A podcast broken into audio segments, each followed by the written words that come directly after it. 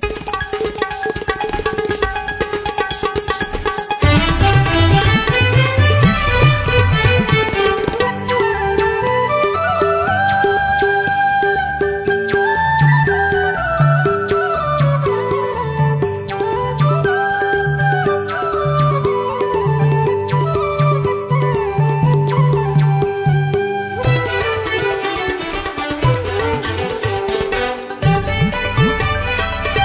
शुभ प्रभात। यो सीआईएन को साझा खबर हो। उषा तामाङसँगै लील प्रकाश चन्दको तपाईँलाई स्वागत छ। सामुदायिक रेडियोबाट देशैभरि एकैसाथ प्रसारण भइरहेको साझा खबर सीआईएन खबर डट कम र मोबाइल एप सीआईएनबाट पनि सुन्न सकिन्छ।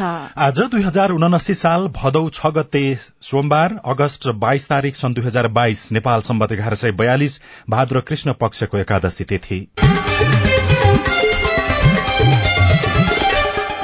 साझा खबरमा प्रमुख खबरका शीर्षकहरू। प्रदेश र संघको चुनावका लागि पाँच सय तीन प्रकारका मतपत्र छापिने बढ़ी खर्च गर्ने प्रवृत्ति रोक्ने निर्वाचन आयोगको रणनीति मिटर ब्याजीहरू विरूद्ध देशभरबाट सत्र सय अठसठी उजुरी आरक्षण व्यवस्था जतिसक्दो चाँडो हटाउन सरकारलाई समावेशी आयोगको सुझाव। श्रम मन्त्रीले अब दैनिक श्रमिकका गुनासो सुन्ने देशभरका एक लाख कर्मचारी आन्दोलनमा।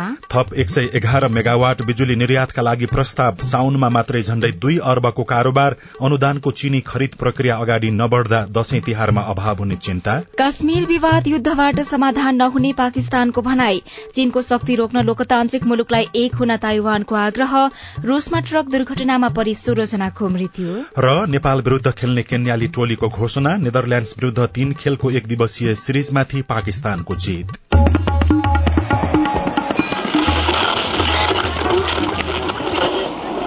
रेडियो। हजारौं रेडियो कर्मी। र करोड़ौं नेपालीको माझमा यो हो सामुदायिक सूचना नेटवर्क सीआईएन साझा खबरको सबैभन्दा शुरूमा प्रदेश र संघको चुनावका लागि मतपत्र छपाईको बारेमा भइरहेको तयारीको कुरा। प्रतिनिधि सभा र प्रदेश सभा सदस्यको निर्वाचनमा पाँच सय तीन प्रकारका मतपत्र छपाई हुने भएको छ। आयोगले आउँदो निर्वाचनका लागि संघतर्फ एक सय पैंसठी प्रदेशतर्फ तीन सय तीस सात प्रदेशका लागि सात र समानुपातिका लागि एक गरी पाँच सय तीन प्रकारका मतपत्र छपाई हुने भएको हो। यस्तै मतदान केन्द्रमा चारवटा अलग अलग मतपत्र मत संकेत गर्ने स्थान र मतपेटिकाको व्यवस्था हुनेछ। प्रत्यक्षतर्फ उम्मेद्वारी दिने उम्मेद्वार र समानुपातिक प्रणालीतर्फ उम्मेद्वारी दिने दलको निर्वाचन चिन्ह समावेश गरेर मतपत्र छपाई गरिने आयोगका प्रवक्ता शालिग्राम शर्मा पौडेलले बताउनुभयो। गएको स्थानीय तहको निर्वाचनका लागि दर्ता भएको दल र स्वतन्त्र उम्मेद्वारका लागि समेत अतिरिक्त निर्वाचन चिन्ह राखेर मतपत्र छपाई गर्दा मतपत्र लामो झन्झटिलो र भद्दा भएको र यसले बदर मतपत्रको संख्या पनि बढ़ाएको आयोगको निष्कर्ष छ। यसैबीच तोकिएको सीमा भन्दा बढ़ी खर्च गरेर चुनावमा भाग नलिन निर्वाचन आयोगले आग्रह गरेको छ। आगामी मंगिर चार गते हुने संघीय र प्रदेश सभाको निर्वाचन स्वच्छ निष्पक्ष र तड़क भड़क रहितको बनाउन उम्मेद्वारहरूको खर्च सीमाले समेत प्रभाव पार्ने भएकाले आचार संहिता विपरीत निर्वाचनमा भाग लिन आयोगले आग्रह गरेको हो। सीमाभन्दा बढ़ी खर्च गर्नु गैर कानूनी भएकाले आचार संहिताको पालना गर्दै निर्वाचन लड्न आयोगका प्रमुख निर्वाचन आयुक्त दिनेश कुमार थपलियाले आग्रह गर्नुभयो। दल निर्वाचन लड्छ। एउटा व्यक्ति म त पैसै छैन उठ्नै सक्दिन भन्दै हार गुहार माग्छ। यो मेलमिलाप कहाँनिर छ भनेर खोजौं।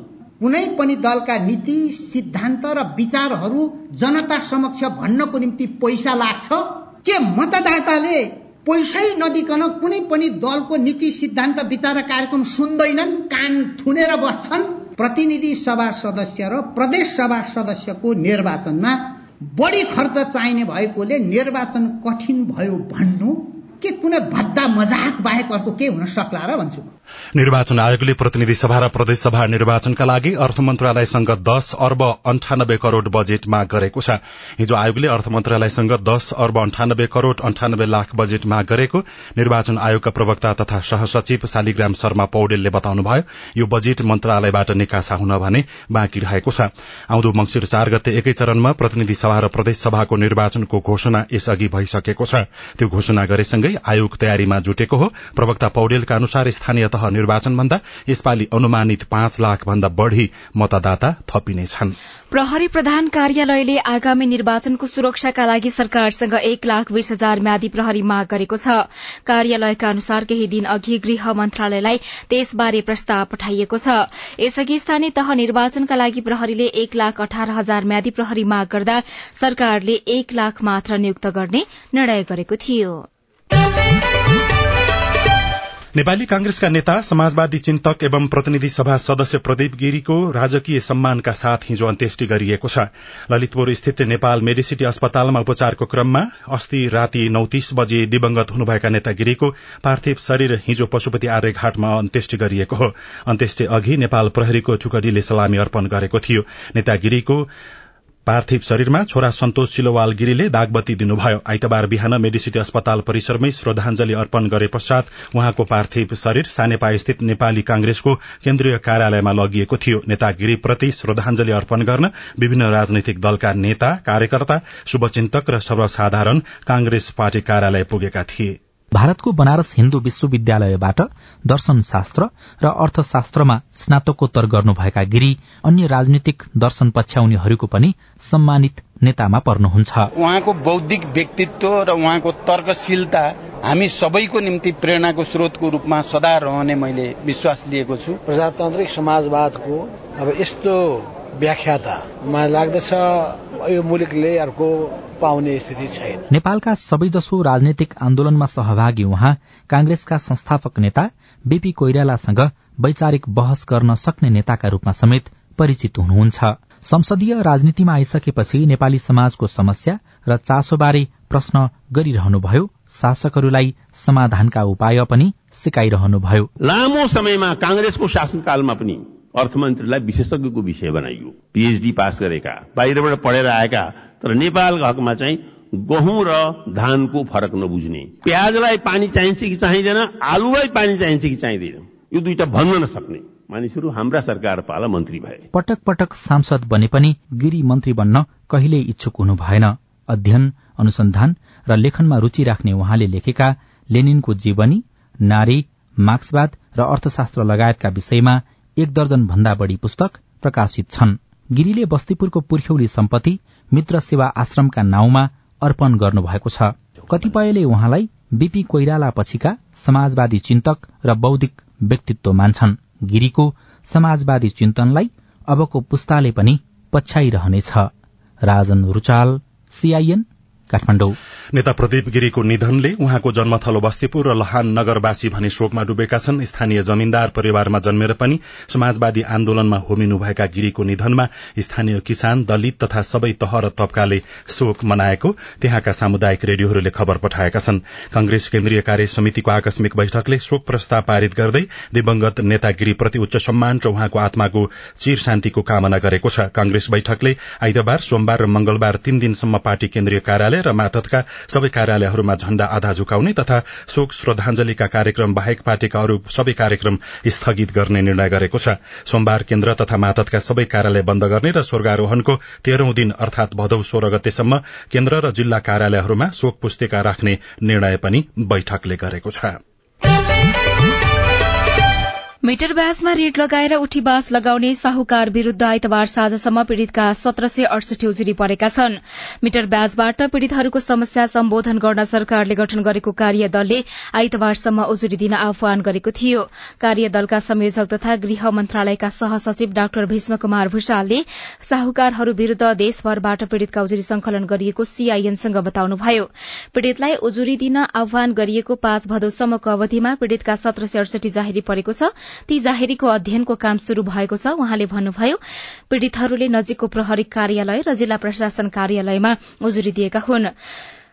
मध्य प्रदेशबाट सबैभन्दा धेरै नौ सय बयासी पीड़ितले उजुरी दिएका छन्। बागमतीबाट तीन सय छप्पन्न लुम्बिनीबाट दुई सय सोह्र प्रदेश एकबाट बयानब्बे गण्डकीबाट पचपन्न सुदूरपश्चिमबाट पैंतालिस र कड़ाली प्रदेशबाट बाइस उजुरी संकलन गरिएको छ।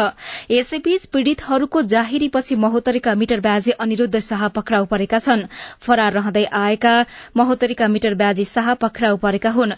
पीड़ितहरूको उजुरीपछि उनै फरार थिए। प्रहरीले उनलाई आफ्नै घरबाट शनिबार राति पक्राउ गरे। गरेको महोत्तरीका एसपी कृष्ण पंगेनीले बताउनुभयो। श्रम रोजगार तथा सामाजिक सुरक्षा मन्त्री शेरबहादुर कुँवरले प्रत्येक आइतबार अब श्रम कल सेन्टरमा प्राप्त हुने गुनासोहरूको सुनवाई गर्नुहुने भएको छ।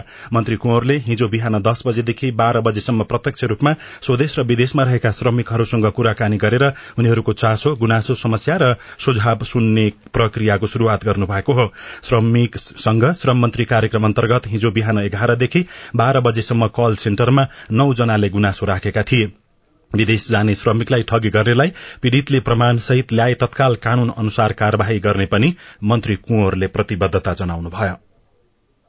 कुनै दिन म बाहिर गएको बेला म यो भ्यालीमा नरहेको बेला स्थगित हुनसक्छ नभए भ्यालीमा रहेको बेला त सधैँ कन्टिन्यू हुन्छ। कुनै पनि कार्यक्रम सुरु गर्दाखेरि त्यसलाई ब्रेक गर्नको लागि त होइन नि त। त्यसलाई त कन्टिन्यू गर्नको लागि नै हो सहजताको लागि नै यसको मकसद भनेको प्रत्यक्ष रूपमा हामी मन्त्रालयले पनि जानकारी पाऊँ र उनीहरूले कानुनी कारवाही यो गरिन्छ भन्ने विश्वास पनि रहन सक्छ र हामीले राहत पाउन सक्छौँ हामीले न्याय पाउँछौँ भन्ने ढुक्कता पनि हुनसक्छ भनेर नै हामीले कार्यक्रम गरायौँ सरकारले श्रम तथा रोजगार क्षेत्रसँग सम्बन्धित गुनासोलाई तत्काल सम्बोधन गर्न साढे तीन वर्ष अघि श्रम कल सेन्टर सञ्चालनमा ल्याएको थियो जस अन्तर्गत हालसम्म उन्नाइस हजार भन्दा बढ़ी गुनासो रेकर्ड भएका छन्। तीमध्ये त्रियानब्बे प्रतिशत गुनासो सम्बोधन गरिएको मन्त्रालयले दावी गरेको छ। श्रमिकहरूले आफ्नो गुनासो राख्न निशुल्क फोन नम्बर एक एक चार एक वा सोह्र साठी शून्य एक पाँच शून्य शून्य पाँच उपलब्ध गराइएको छ नम्बर। भने विदेशबाट शून्य शून्य नौ सात सात एक पाँच नौ सात शून्य शून्य आठमा फोन गर्न सकिनेछ। त्यस्तै भाइबर नम्बर शून्य शून्य नौ सात सात नौ आठ शून्य एक आठ शून्य शून्य शून्य एक तीनमा पनि सम्पर्क गर्न सकिने श्रम मन्त्रालयले जनाएको छ।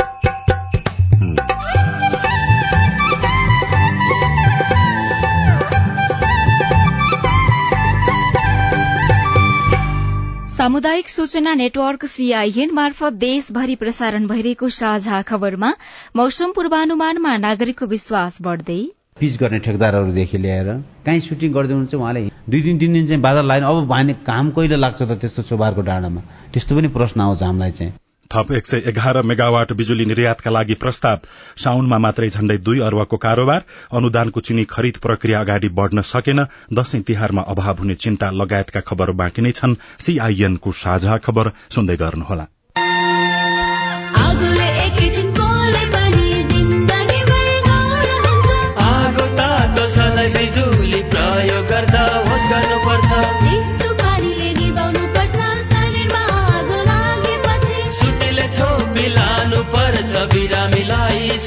चौकी नानी हुन्न भान्सामा खेल्नु तातो र बलले सामान्य हुन्छ होस गरी चलाऊ स्टोभ ग्यास भुइँमा पकाए दुर्घटना बढ्छ अग्निजन्य दुर्घटना भएमा शून्य एक पचपन्न पचपन्न छ आठ नौमा सम्पर्क गर्नुहोस्। बीबीएस नेपाल ललितपुर।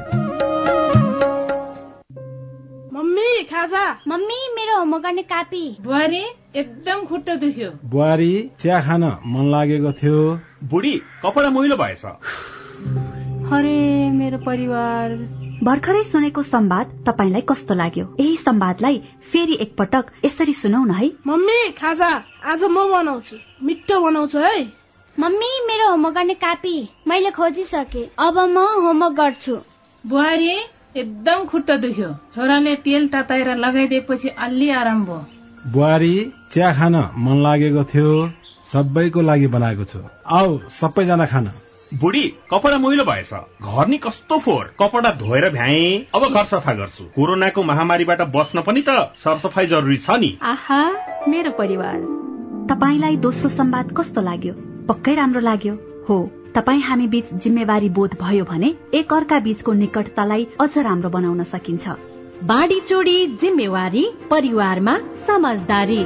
महिला बालबालिका तथा ज्येष्ठ नागरिक मन्त्रालय युएन वुमन ल्याक र अकुराबको सहकार्य। सामाजिक रूपान्तरणका लागि यो हो सामुदायिक सूचना नेटवर्क सीआईएन तपाई अहिले देशभरिका सामुदायिक radio CIN Khabar dot com र मोबाइल एप सीआईएनबाट एकैसाथ साझा खबर सुन्दै हुनुहुन्छ। अब बाँकी खबर। नेपाल विद्युत प्राधिकरणले चालू आर्थिक वर्षको पहिलो महिनामा एक अर्ब त्रियासी करोड़ अठासी लाख छ्यात्तर हजार रूपियाँको विद्युत निर्यात गरेको छ। साउन महिनामा देशभित्र खपत गरी बढ़ी भएको चौविस करोड़ छब्बीस लाख त्रियासी हजार युनिट विद्युत भारततर्फ निर्यात गरिएको प्राधिकरणले जनाएको छ। प्राधिकरणले गत जेठ उन्नाइसबाट इण्डियन इनर्जी एक्सचेन्ज लिमिटेड आईएक्सको डे अहेड बजारमा प्रतिस्पर्धा मार्फत बिक्री शुरू गरेको थियो।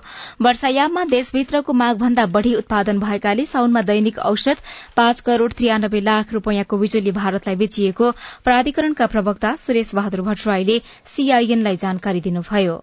हाम्रो एक्सपेक्टेसन त योभन्दा धेरै पैसा थियो तर भारतीय बजारमा अहिले सोलर भयो प्लस धेरै बर्सात भएको हुँदाखेरि विद्युतको जुन प्राइस हो त्यो धेरै महँगो हुन सकेन। महँगो भएको भए हाम्रो एक्सपेक्टेसन योभन्दा धेरै नै थियो। यसलाई ठिकै मान्नुपर्छ। सकेसम्म यहीँ बढी खपत गराउने यहीँ औद्योगिक क्षेत्रहरूमा होइन? इन्डक्सन चुलो भन्नुहोस् ब्याट्रीबाट चल्ने भन्नुहोस् ग्यासलाई रिप्लेस गर्ने। यावत कार्यक्रमहरूलाई पनि हामीले मध्यनजर गरेर काम गरेका छौँ। गत आर्थिक वर्ष दुई हजार अठहत्तर उनासीमा तीन अर्ब अठासी करोड़को बिजुली निर्यात भएको थियो। यसैबीच प्राधिकरणले थप एक सय एघार मेगावाट बिजुली इण्डियन इनर्जी एक्सन्स लिमिटेड आईएक्सको डे अहेड बजारमा प्रतिस्पर्धा मार्फत बिक्रीको प्रस्ताव गरेको छ। अनुमति पाएमा थप विद्युत निर्यात शुरू हुनेछ। आरक्षण व्यवस्थालाई अल्पकालीन व्यवस्थाको रूपमा लिँदै जति सक्दो छिटो अन्त गर्न सरकारलाई राष्ट्रिय समावेशी आयोगले सुझाव दिएको छ। निजामती सेवा र स्वास्थ्य सेवाको क्षेत्रलाई समेटेर गरिएको विद्यमान सरकारी सेवामा आरक्षणको प्रभाव अध्ययनको प्रतिवेदन मार्फत यस्तो सुझाव दिइएको हो। आयोगले आन्तरिक प्रतिस्पर्धातर्फको बढुवामा समेत आरक्षणको व्यवस्था हटाउन र बढुवाका कुनै पनि गतिविधिमा आरक्षणको व्यवस्था नगर्न पनि सुझाव दिएको छ। निजामती सेवा ऐन दुई हजार उनाचास संशोधन गरी लागू गरिएसँगै निजामती सेवाको खुला प्रतिस्पर्धाबाट पदपूर्ति गरिने मध्ये पैंतालिस प्रतिशत पद विभिन्न छ समूहको लागि आरक्षणको व्यवस्था गरिँदै आइएको छ। अब आज प्रकाशित पत्र खबर। राजधानी दैनिकले देशभरका एक लाख कर्मचारी एकैपटक आन्दोलनमा शीर्षकमा खबर छापेको छ देशभरका कार्यालय सहयोगीदेखि अधिकृत स्तरका एक लाख बढ़ी कर्मचारी सोमबारदेखि एकैपटक आन्दोलनमा उत्रने भएका छन्। सरकारले कार्यालय सहयोगी खरिदार नायब सुब्बादेखि अधिकृत तहसम्मका कर्मचारीको हक अधिकारलाई संकुचन गर्दै संघीय निजामती सेवा ऐन जारी गर्न लागेको भन्दै त्यस विरूद्ध देशभरका कर्मचारी एकैपटक आन्दोलनमा उत्रन लागेका हुन्। उनीहरूले कर्मचारी मैत्री र सेवा मैत्री हुने गरी तीनवटै तहका लागि निजामती सेवा ऐन तत्काल जारी गर्नुपर्ने तथा सो ऐनमा क्षतिपूर्ति सहितका नागरिक सेवा प्रवाहको सुनिश्चितता हुनुपर्ने। तीनै तहमा कार्यरत कर्मचारीलाई निजामतीको परिभाषामा समावेश गर्नुपर्ने। तीनै तहगत प्रणाली लागू गर्नुपर्ने तथा वृत्ति विकासको स्पष्ट र वैज्ञानिक व्यवस्था गर्नुपर्ने लगायत दश बुधे माग पत्र सहित आन्दोलन थालेका हुन्। गोर्खापत्र दैनिकमा बाल बालिकालाई खोप लगाउन शुरू शीर्षकमा खबर छ। स्वास्थ्य तथा जनसंख्या मन्त्रालयले पचास जिल्लाका पाँचदेखि एघार वर्षसम्मका बाल बालिकालाई कोरोना विरूद्धको खोप लगाउन हिजोबाट शुरू गरेको छ। देशभरका पचास जिल्लाका पाँच वर्ष पूरा भई बाह्र वर्ष नपुगेका बाल बालिकाका लागि फाइजर खोप लगाउन शुरू गरिएको स्वास्थ्य तथा जनसंख्या मन्त्रालयले जानकारी दिएको छ। भित्रीपन्नामा चिनी खरिद अन्यलमा दशैं तिहारमा चिनीको अभाव हुने चिन्ता। शीर्षकमा सीता शर्मा लेख्नुहुन्छ। चाडपर्व नजिकै गए पनि सरकारी अनुदानको चिनी खरिद प्रक्रिया अहिलेसम्म अगाडि बढ़न सकेको छैन। उद्योग वाणिज्य तथा आपूर्ति मन्त्रालयले चिनी खरिदका लागि दुई महिना अघि अर्थ मन्त्रालयसँग स्वीकृति मागेको भए पनि स्वीकृति नदिएपछि चिनी खरिद प्रक्रिया अगाडि बढ़न नसकेको हो। मन्त्रालयले साल ट्रेडिङ कर्पोरेशनबाट चालिस हजार टन र खाद्य व्यवस्था तथा व्यापार कम्पनी मार्फत दस हजार टन गरी पचास हजार मेट्रिक टन भन्सार छुटको चिनी ल्याउने गरी अर्थ मन्त्रालयसँग सहमति मागेको हो। कान्तिपुर दैनिकमा साढे सात वर्षदेखि नाकामा चीनको अवरोध शीर्षकमा ऋषिराम पौड्यालले खबर लेख्नु भएको छ। भूकम्पको वाहनामा चीनले प्रमुख दुई नाका तातोपानी र रसुवा गढ़ीमा अवरोध गरेको सात वर्ष चार महिना भएको छ। करोड़ौं लगानीमा आयात गरिएका सामान बाटैमा अलपत्र पर्दा व्यवसायी तनावमा छन्। साना र मझौला व्यापारी भेसाबाटै पलायन भएका छन् भने सीमित ठूला व्यापारीले समुद्री मार्गबाट भारत हुँदै सामान ल्याउँदा उपभोक्ता मूल्य आकाशिएको छ। भूकम्पपछि तातोपानी नाका त चार वर्ष पूर्ण रूपमा ठप्प थियो। आयात कहिलेकाहीँ खोलिए पनि निर्यातमा कड़ाई छ। अहिले पनि मानव आवत जावत प्रतिबन्धित छ भने आयात नगर्नेछ। नियन्त्रित रूपमा केही समय अघि खोलिएका दुवै नाका कोविडको बहानामा फेरि बन्द गरिएको एक साता बितेको छ। नाकामा चीन कति अनुदार छ भने भूकम्पका कारण खासा सड़कमा अलपत्र नेपाली व्यवसायीले आफ्ना सामान पाँच महिनासम्म उठाउन नपाउँदा वर्षाको पानीले क्षति पुर्याएको थियो। यसबीचमा नाका नाका नियमित खुलाउन चीनसँग अनुरोध गरिएको बताइएको छ। उद्योग वाणिज्य तथा आपूर्ति मन्त्री दिलेन्द्र बडुले परराष्ट्र मन्त्रीको चीन भ्रमणका बेला पनि उक्त प्रस्ताव लिखित रूपमा राखिएको बताउनु भएको छ। कविराम र कर्णबहादुरले पाए आफ्नै नामको नागरिकता ज्योति कटुवालले शीर्षकमा खबर लेख्नु भएको छ दैलेखबाट। नागरिकतामा अपमानजनक नाम उल्लेख गरिएका दैलेखको भगवतीमाई गाउँपालिका तीन मेहलतोलीका कविराम कामीले नयाँ नागरिकता पाउनु भएको छ भने सोही भगवतीमाई गाउँपालिका पाँचका कर्णबहादुर कामीले तेइस वर्षपछि नाम सच्याएर नागरिकता पाउनु भएको छ। साझा खबरमा अब प्रश्नोत्तर श्रृंखला प्रस्तुत गर्दै हुनुहुन्छ सुनिल राज भारत। म सौपानी गोर्खाबाट प्रतिभा बोरिया मेरो गाउँको भाइले चाहिँ अहिलेसम्म कोरोनाको पहिलो मात्राको खोप पनि लगाएको छैन। अब त्यसको लागि के गर्न सक्छौ?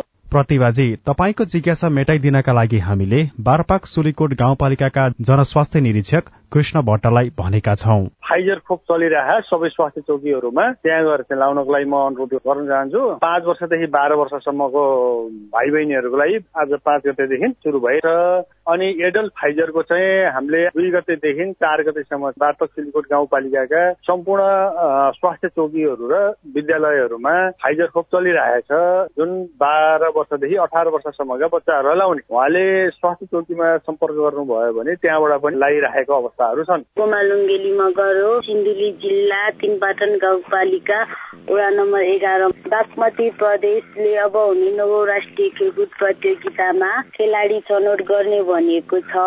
के यो खेलाडी छनौट प्रक्रियामा हामी पनि सहभागी हुन सक्छौ भने कसलाई सम्पर्क गर्ने तपाईँको प्रश्न सुनिसकेपछि बागमती प्रदेशको युवा तथा खेलकुद मन्त्रालयका प्रवक्ता देव नारायण चौधरीको जवाब छ। यो विषयमा दुईटा प्रावधान छ। पहिलो प्रावधान भनेको दुई हजार अठहत्तरको फागुन अठाइस गतेदेखि चैतको बाह्र गतेसम्म हामीले प्रथम बागमती प्रदेश खेलकुद प्रतियोगिता सम्पन्न गर्यौं त्यो प्रतियोगितामा यदि प्रथम स्थान अथवा द्वितीय स्थान प्राप्त गरेका खेलाडी मध्ये उहाँ पर्नुहुन्छ भने उहाँले स्वत यो नौ राष्ट्रिय गेममा हाम्रो बागमती प्रदेशको तर्फबाट सिलेक्सनमा भएर अगाडि बढ्नुहुन्छ।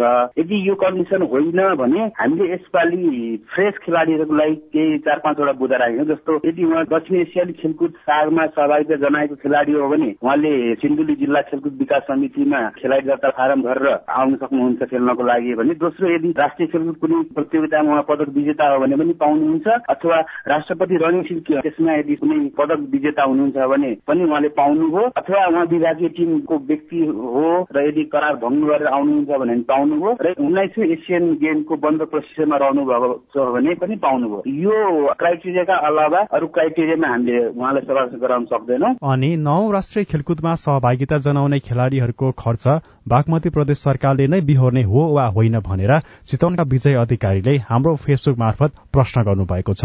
जसको जवाफ दिँदै हुनुहुन्छ बागमती प्रदेशको युवा तथा खेलकुद मन्त्रालयका प्रवक्ता चौधरी नै। जिल्ला छनौटको चाहिँ हामीले बेहोर्दैनौँ। प्रदेशले गर्ने छनौटको जो खेलाडीहरू चाहिँ सिलेक्सनमा पर्छन् उहाँहरूलाई हाते जाते खर्च एक दिन अगाडिको र जाने दिनको बेहोर्छौँ र प्रतिदिन चाहिँ हामीले रु दुई हजार हाम्रो कार्यविधिले पास गरेको छ। त्यही अनुसारको त्यो दुई हजार रुपियाँले खेलाडीले खानेर बस्ने काम चाहिँ गर्नुपर्छ। तपाईँ जुनसुकै बेला हाम्रो टेलिफोन नम्बर शून्य एक बाहन्न साठी छ चार छमा फोन गरेर आफ्ना विचार गुनासा प्रश्न तथा प्रतिक्रिया रेकर्ड गर्न सक्नुहुनेछ। साझा खबरमा अब विदेशका खबर। पाकिस्तानका प्रधानमन्त्री शहबाज शरीफले काश्मीर विवाद युद्धबाट समाधान हुन नसक्ने बताउनु भएको छ। वहाँले संयुक्त राष्ट्रसंघको प्रस्तावना अनुसार मात्रै काश्मीरमा स्थायी शान्ति आउने उल्लेख गर्नुभयो। भारत र पाकिस्तान बीच काश्मीरलाई लिएर वर्षौंदेखि विवाद हुँदै आएको छ। भारतले काश्मीरमाथि आफ्नो स्वायत्तता रहेको दावी गर्दै आएको छ भने पाकिस्तानले काश्मीरमाथि आफ्नो अधिकार रहेको दावी गर्दै आएको छ। ताइवानले चीनको शक्तिलाई रोक्नका लागि लोकतान्त्रिक मुलुक एक हुनुपर्ने बताएको छ। ताइवानका विदेश मन्त्री जोसेफ ऊले चीनको कार्यवाही ताइवानसम्म मात्र सीमित नभई विश्वका विभिन्न मुलुकमाथि आफ्नो शक्ति प्रदर्शन गर्ने रहेकाले उसलाई रोक्न आवश्यक रहेको बताउनुभयो। चीनको विस्तारवादी शक्तिलाई रोक्नका लागि विश्वका लोकतान्त्रिक मुलुकलाई एकजुट हुन उहाँले आग्रह समेत गर्नुभयो। र रूसमा भएको ट्रक दुर्घटनामा परि कम्तीमा सोह्र जनाको मृत्यु भएको छ अन्य तीनजना घाइते भएका छन्। घाइते तीनैजनाको उपचार स्थानीय अस्पताल नेपालमा भइरहेको छ। अन्तर्राष्ट्रिय संचार माध्यमहरूका अनुसार rusको उल्यानोवस्क क्षेत्रमा पुस्तक बोकेको मिनी बस र ट्रक एक आपसमा ठोकिँदा दुर्घटना भएको थियो। अब खेल खबर केन्याले नेपाल विरूद्ध खेल्ने टोलीको घोषणा गरेको छ। नेपालसँग खेल्ने पाँच खेलको टी ट्वेन्टी र तीन खेलको एक दिवसीय श्रृंखलाका लागि केन्याले सिम एन गोचीको कप्तानीमा चौध सदस्यीय टोलीको घोषणा गरेको हो। केन्याले नेपालसँग पाँच खेलको टी ट्वेन्टी र तीन खेलको एक दिवसीय श्रृंखला खेल्नेछ। पहिलो टी ट्वेन्टी अगस्त पच्चीसबाट शुरू हुनेछ भने तीन खेलको एक दिवसीय श्रृंखला सेप्टेम्बर दुईबाट शुरू गरिनेछ। पाकिस्तानले नेदरल्याण्ड्स विरूद्धको तीन खेलको एक दिवसीय श्रृंखलामाथि जित हात पारेको छ। नेदरल्याण्ड्सको रोटरड्याममा हिजो भएको तेस्रो तथा अन्तिम खेलमा नौ रनको जित निकाल्दै पाकिस्तानले श्रृंखला तीन शून्यले जितेको हो। टस जितेर पहिले ब्याटिङ गरेको पाकिस्तानले दुई सय छ रन बनाउन सक्यो। र जर्मन बुण्डेसलिगा फुटबलमा बारेन म्युनिकलाई फ्राकिलो जित हात म्युनिकले फ्राकिलो जित हात पारेको छ। गैराती भएको खेलमा बारेनले बोचुमलाई सात शून्य गोल अन्तरले हराउँदै जित हात पारेको हो।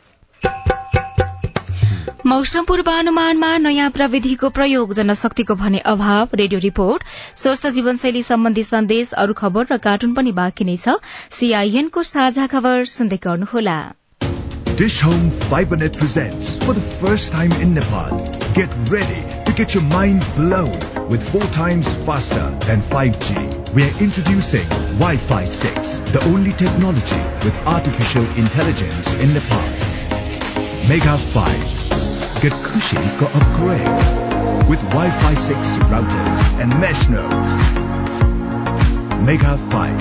Kushi ko upgrade. Dish Home FiberNet. सामाजिक रूपान्तरणका लागि यो हो सामुदायिक सूचना नेटवर्क सीआईएन साझा खबरमा अब मौसम पूर्वानुमानको कुरा। नेपाल आफैले मौसम पूर्वानुमान गर्न थालेको चौन्न वर्ष भयो। शुरूआती दिनमा मौसम पूर्वानुमान विमानस्थलको लागि मात्रै गरिन्थ्यो तर अहिले सर्वसाधारणको लागि पनि पूर्वानुमान हुन थालेको छ। मौसम पूर्वानुमान कसरी हुन्छ? त्रिभुवन अन्तर्राष्ट्रिय विमानस्थल परिसर यात्रुको ओहोर दोहोर चलिरहन्छ। दायाँपट्टि विदेश जाने यात्रुको भीड़ छ बायाँपट्टि स्वदेशको। बाहिर चहल पहल भए पनि विमानस्थलको बीचमा रहेको भवनको तेस्रो तल्लामा रहेको मौसम पूर्वानुमान महाशाखा भने शान्त छ। म एकचोटि हेरेर भन्छु चाहिँ विमानस्थलबाट कुनै विमान उडाउन वा अवतरण गर्न दिने वा नदिने भन्ने निर्णय महाशाखाले गरेको मौसम पूर्वानुमानमा भर पर्छ। यो महाशाखाले विमानस्थलको लागि प्रत्येक तीस मिनटमा मौसमको अवलोकन गर्छ भने छ छ घण्टामा गरेर दैनिक चारपल्ट पूर्वानुमान घोषणा गर्छ। महाशाखाका वरिष्ठ मौसमविद वरूण पौडेल। प्रत्येक हाफ एन आवरमा चाहिँ यहाँबाट चाहिँ हामीले चाहिँ के गर्छौँ त सूचनाहरू दिन्छौँ होइन? टावरमा पठाउँछौँ टावरबाट फेरि कलकत्ता हुँदै ब्याङ्कक हुँदै संसारभरि जान्छ। जहाँको पाइलट सन् उन्नाइस सय त्रिपन्नमा भारतीय कम्पनीले व्यापारिक हवाई उडान शुरू गरेपछि भारतीय मौसम विज्ञान विभाग कलकत्ताले त्रिभुवन अन्तर्राष्ट्रिय विमानस्थलमा कार्यालय स्थापना गर्यो। त्यसैबाट अन्तर्राष्ट्रिय हवाई उडानका लागि मौसमी सूचना दिन थाल्यो। नेपाल आफैले भने पन्ध्र वर्षपछि मात्रै मौसम पूर्वानुमान गर्न थाल्यो। इन्टरनेसनल एयरपोर्ट भन्यो त्यसमा पनि इन्डियाबाट त्यो ड्याकोडा भन्ने जहाज आउँथ्यो। त्यो आउन थालेपछि मौसम दिनुपर्छ भन्ने कुरा हो। तत्कालको अवस्थामा चाहिँ उनीहरूले दिएपछि अनि इजरायलबाट मान्छे आएर यहाँ सिकाएर चाहिँ यसरी शुरू भएको भनेर चाहिँ त्यो हिस्ट्री चाहिँ पाइन्छ। सन् उन्नाइस सय सत्तरीदेखि हवाई उडानलाई चाहिने मौसमी तथ्याङ्कका साथै आम मानिसलाई पनि काम लाग्ने पूर्वानुमानको शुरूआत गरियो। किसानले कृषि कार्यको पूर्व तयारी गर्नेदेखि सबै कामको लागि सर्वसाधारण पनि मौसम पूर्वानुमानमा चासो दिन थाले। खेती किसान गर्ने चाहिँ दाजुभाइहरूदेखि ल्याएर अब रोड कन्स्ट्रक्सन गर्दा पिच गर्ने ठेकदारहरूदेखि ल्याएर काहीँ सुटिङ गर्दै हुनुहुन्छ उहाँले दुई दिन तिन दिन चाहिँ बादल लाइन अब भाने काम कहिले लाग्छ त त्यस्तो चोबारको डाँडामा? त्यस्तो पनि प्रश्न आउँछ हामीलाई चाहिँ। शुरूआती दिनमा मौसमविदले परम्परागत प्रविधि मार्फत मौसमको भविष्यवाणी गर्ने गरेकाले पूर्वानुमान मिल्न गाह्रो हुन्थ्यो र सबैले विश्वास गर्दैन थिए। इन्टरनेटको विकाससँगै अरू देशले सञ्चालन गरेका सेटेलाइटका सेवा नेपालले पनि लिन सक्ने भयो। त्यसपछि भने मौसम पूर्वानुमान मिल्ने क्रम बढ्दै गएको छ। हामी आउँदाखेरि चाहिँ मान्छे चार पाँचजना एकैताली खाली भयो तुरन्त ड्युटीमा बस्नुपर्ने अवस्था भयो। हामी ट्रेनिङहरू त्यस्तै जति हामी थ्योरी पढ्यो मिट्रोलोजी चाहिँ युनिभर्सिटीमा त्यहीको बेसमा चाहिँ आएर सिधै चाहिँ ड्युटी पनि जोइन गर्ने अवस्था थियो। भवनको माथिल्लो तल्लामा अवलोकन कक्ष छ। पूर्वानुमान कक्षमै जोमसोम सिमकोट जनकपुर सुर्खेत लगायतका सत्र ठाउँको मौसमी क्यामेरा हेरेर पनि पूर्वानुमान गर्न सकिन्छ। जस्तो तारा चाहिँ त्यहाँ खस्यो होइन यताबाट जाँदाखेरि बिचमा के गर्ने त भन्दाखेरि यसरी हेर्दाखेरि भिजिमेन्टलाई सजिलो हुन्छ भनेर जुन ठाउँ ठाउँमा त हाम्रो स्टेज छैन अनि वेदर क्यामेरा राखेको छ हामीले। देशभरको लागि मौसम पूर्वानुमान गर्नका लागि अठाइस भन्दा बढ़ी ठाउँमा अध्ययनको संयन्त्रहरू राखिएका छन् तर यो पर्याप्त छैन। साथै सबै क्षेत्रमा गरी एघार जना मात्र जनशक्ति भएकाले समस्या हुने गरेको मौसमविदको गुनासो छ। सजना तिमल सिन्हा सीआईएन काठमाडौँ।